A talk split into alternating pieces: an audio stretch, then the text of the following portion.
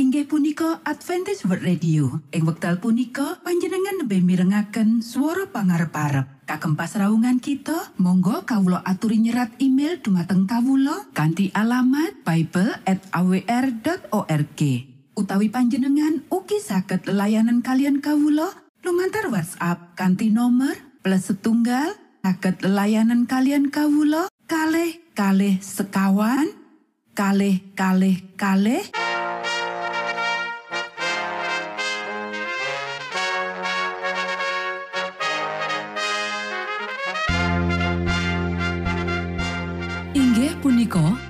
Adventist World Radio ingkang giaran kanthi basa Jawi.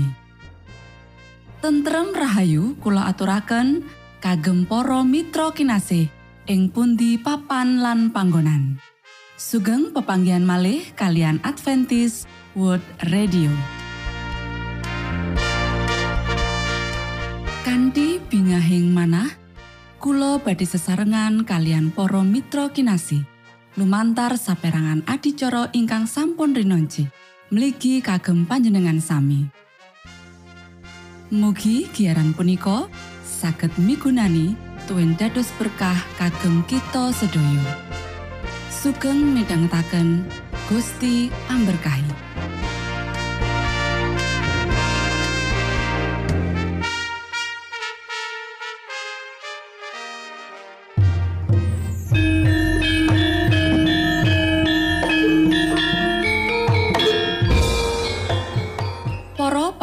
kinasih ing Gusti Yesus Kristus ing wekdal punika kita badhe sesarengan ing adicara ruang kesehatan. Ingkang saestu migunani kagem panjenengan saha kita sami. Tips utawi pitedah ingkang dipun aturaken ing program punika tetales dawuhipun Gusti ingkang dipun nyatakaken ing kitab suci. Semanten ugi sakehing seratan ingkang dipun wangsitaken dening Gusti Allah. Nanging saderengipun, monggo kita sami midhangetaken kidung pujian.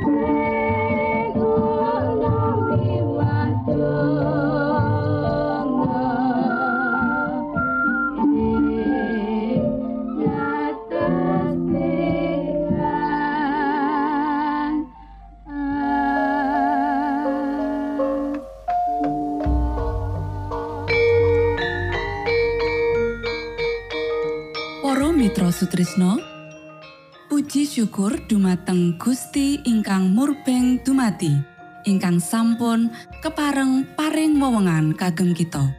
Satemah saged nglajengaken ruang kesehatan. Pirembakan kita semangke kanthi irah-irahan. Daging dadi panganan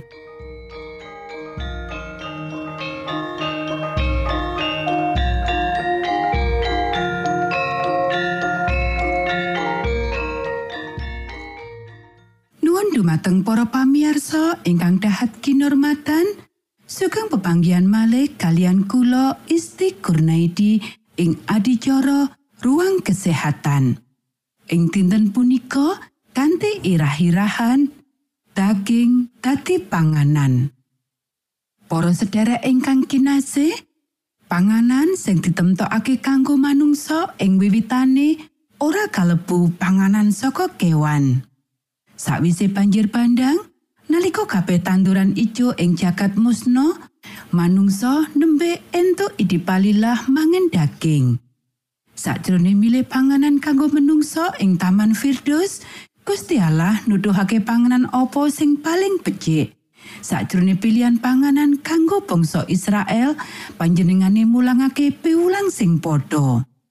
Panjenengane ngasta metu bangsa Israel saka Mesir lan nindakake latihan supaya bangsa Israel dadi umat kagungane piyambak.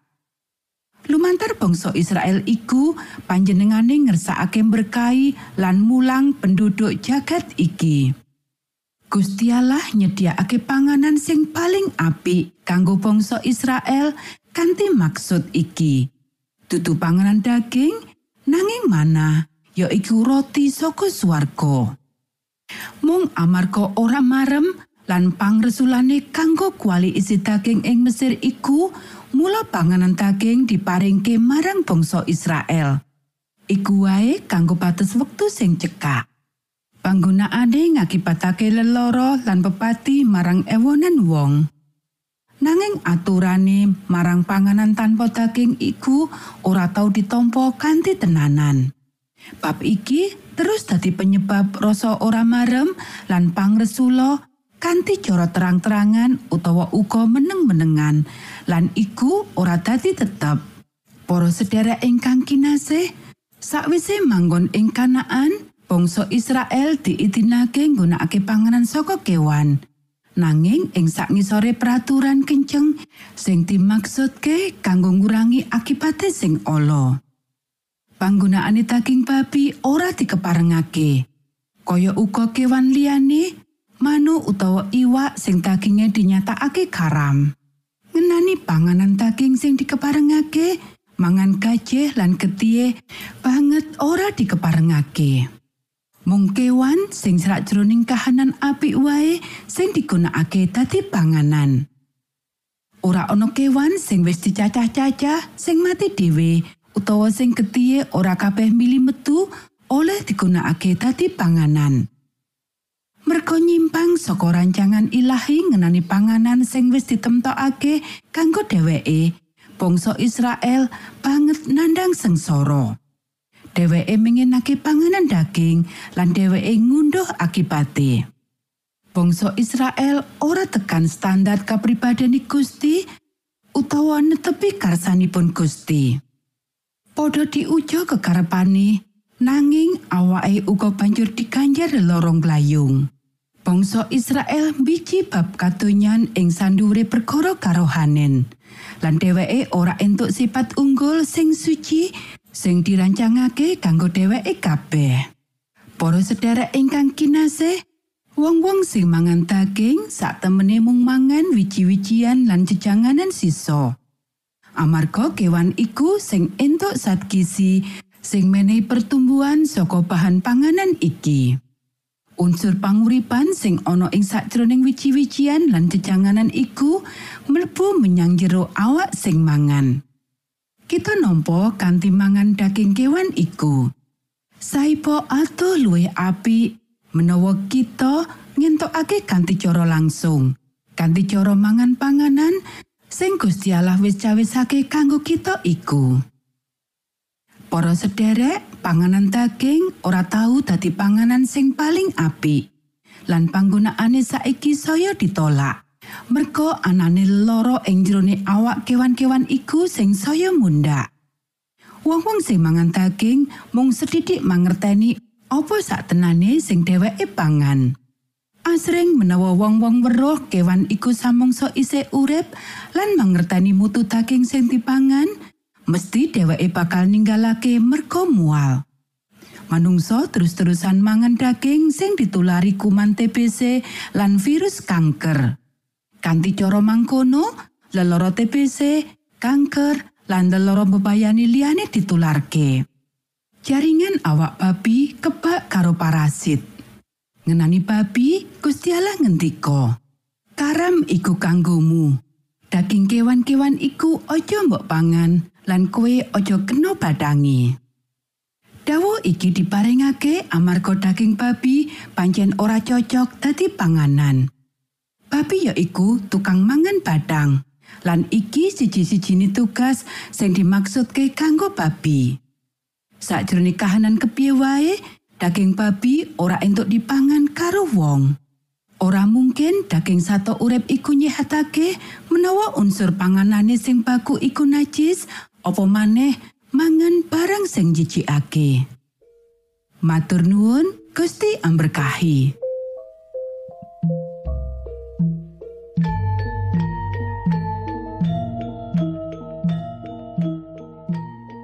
Cekap semanten pimbakan ruang kesehatan ing episode dinten punika.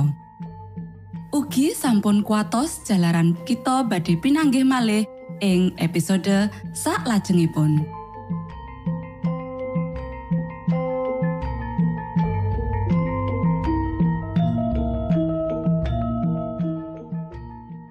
Inggih punika adicara ruang kesehatan. Menawi panjenengan gadah pitakenan utawi ngersakaken katrangan ingkang langkung, monggo kulo aturi. Kinton email dateng alamat ejcawr@ gmail.com utawi lumantar WhatsApp kanti nomor 025 pitu 00 songo songo papat 00 pitu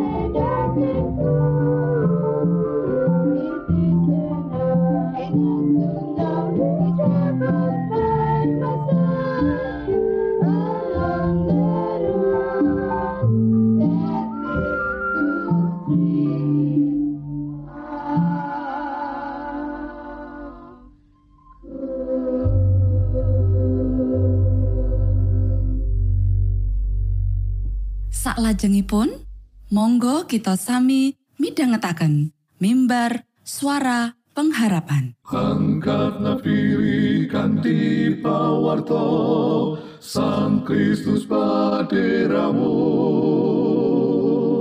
Pro umat samyo puji asmanyo Sang Kristus paderamu Inggih punika mimbar suara pengharapan. Ing episode punika kanthi irah-irahan. Sak lebeting asmaku. sugeng minangka tondo Sang Kristus paderamu ilmu kawero tambah tambah. Sang Kristus paderamu paderamu paderamu Sang Kristus paderamu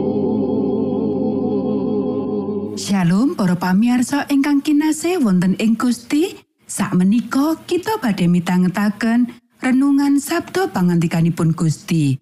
Ing dinten punika kanthi irah-irahan sak lebeting asmaku. Para sedherek ingkang kinasih, dawuh pangantikanipun Gusti wonten ing kitab Yohanan pasal sekawan welas ayat sekawan welas inggih punika Manawa kowe padha nyuwun apa-apa marang aku atas saka jenengku, iku aku kang bakal ngleksanani. Para sedherek ingkang kinasih, para sakabat boten nepangi tuing daya lan kegiatan juru wilujeng ingkang boten wonten watesipun. Panjenenganipun ngendika dumateng piyambak-piyambakipun. Nganti saprene kowe durung tau nyuwun apa-apa atas saka jenengku. Kita bisa maos wonten ing kitab Yohanan pasal 16 ayat sekawan likur.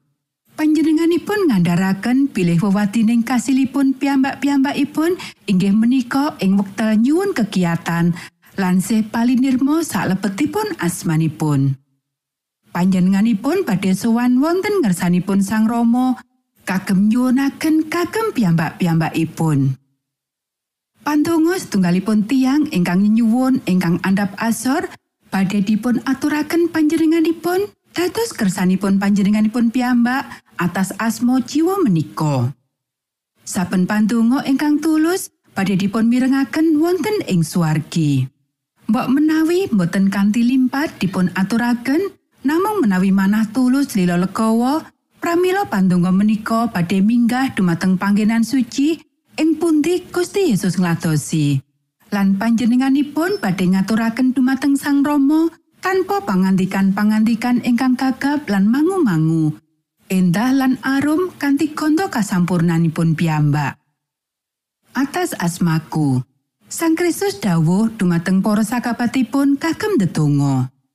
Wonten saklebetipun asmanipun Sang Kristus, para pandherekipun jumeneng ing ngarsanipun Gusti Allah. Saking aosipun pangorbanan ingkang dipun paringaken kagem piyambak-piyambakipun, pramila piyambakipun menika aos wonten ing paningalipun Gusti. Para sedherek ingkang kinasih, Gusti kuciwa menawi titahipun ngremehaken dirinipun piyambak. Gusti Allah ngersakaken piyambakipun. Menawi boten, tentu panjenenganipun boten ngutus putranipun kanthi regi kados mengkaten ageng kagem nebus piyambak-piyambakipun. Panjenenganipun badhe ginakaken piyambakipun lan panjenenganipun rena nalika piyambakipun ngutamekaken panjenenganipun. Satemah piyambakipun saged mulyakaken asmanipun. Piyambakipun saged ngajeng-ajeng perkawis-perkawis ageng menawi nggadahi kapitadosan wonten salebetipun prasetya-prasetyanipun. Namung ndedonga salebetipun asmanipun Sang Kristus menika kadah werdinipun. Menika werdinipun bilih kita kedah nampi kapribadosanipun. Ngetingalaken semangatipun lan nindakaken pakaryanipun. Prasetyo juru wilujeng dipun paringaken kanthi syarat.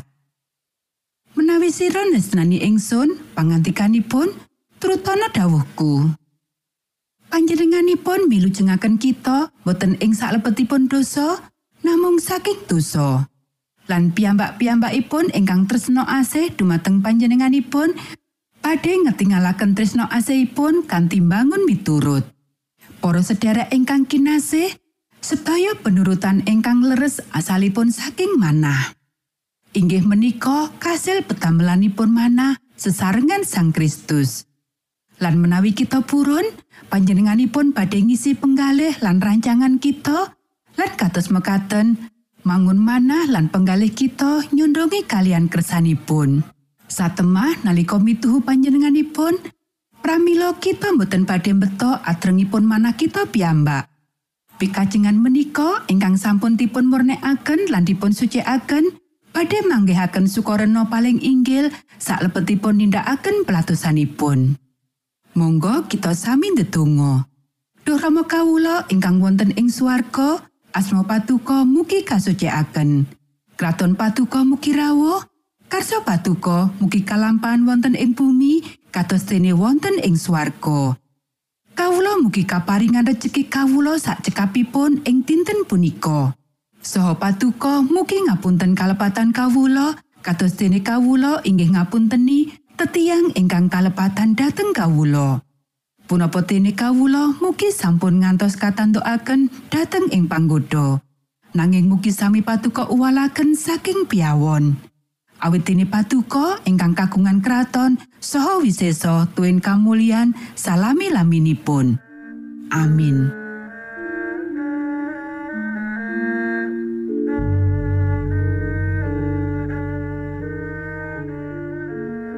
Mitra Sutrisno pamiarsa kinasih ing Gusti Yesus Kristus. Sampun pariporno pasamuan kita ing dinten punika.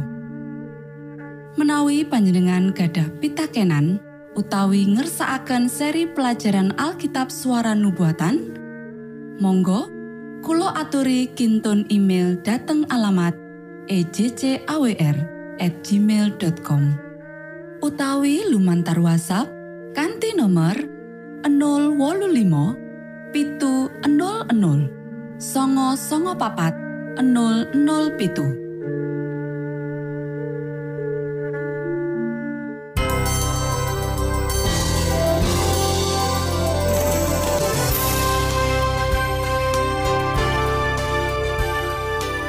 Matur nuwun kagem wektalipun kita badhe pinanggih malih ing gelombang ugi wekdal ingkang sami. Saking studio kula ngaturaken tentrem rahayu. Gusti amberkahi kita sedaya. Maranatha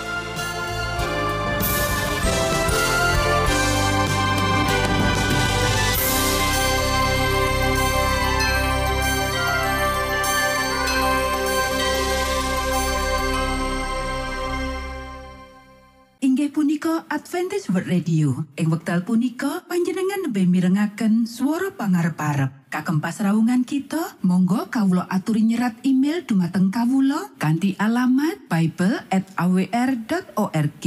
Utawi panjenengan ugi saged layanan kalian kawula lumantar WhatsApp kanthi nomor plus setunggal saged layanan kalian kawula kalih kalih sekawan kalih kalih kalih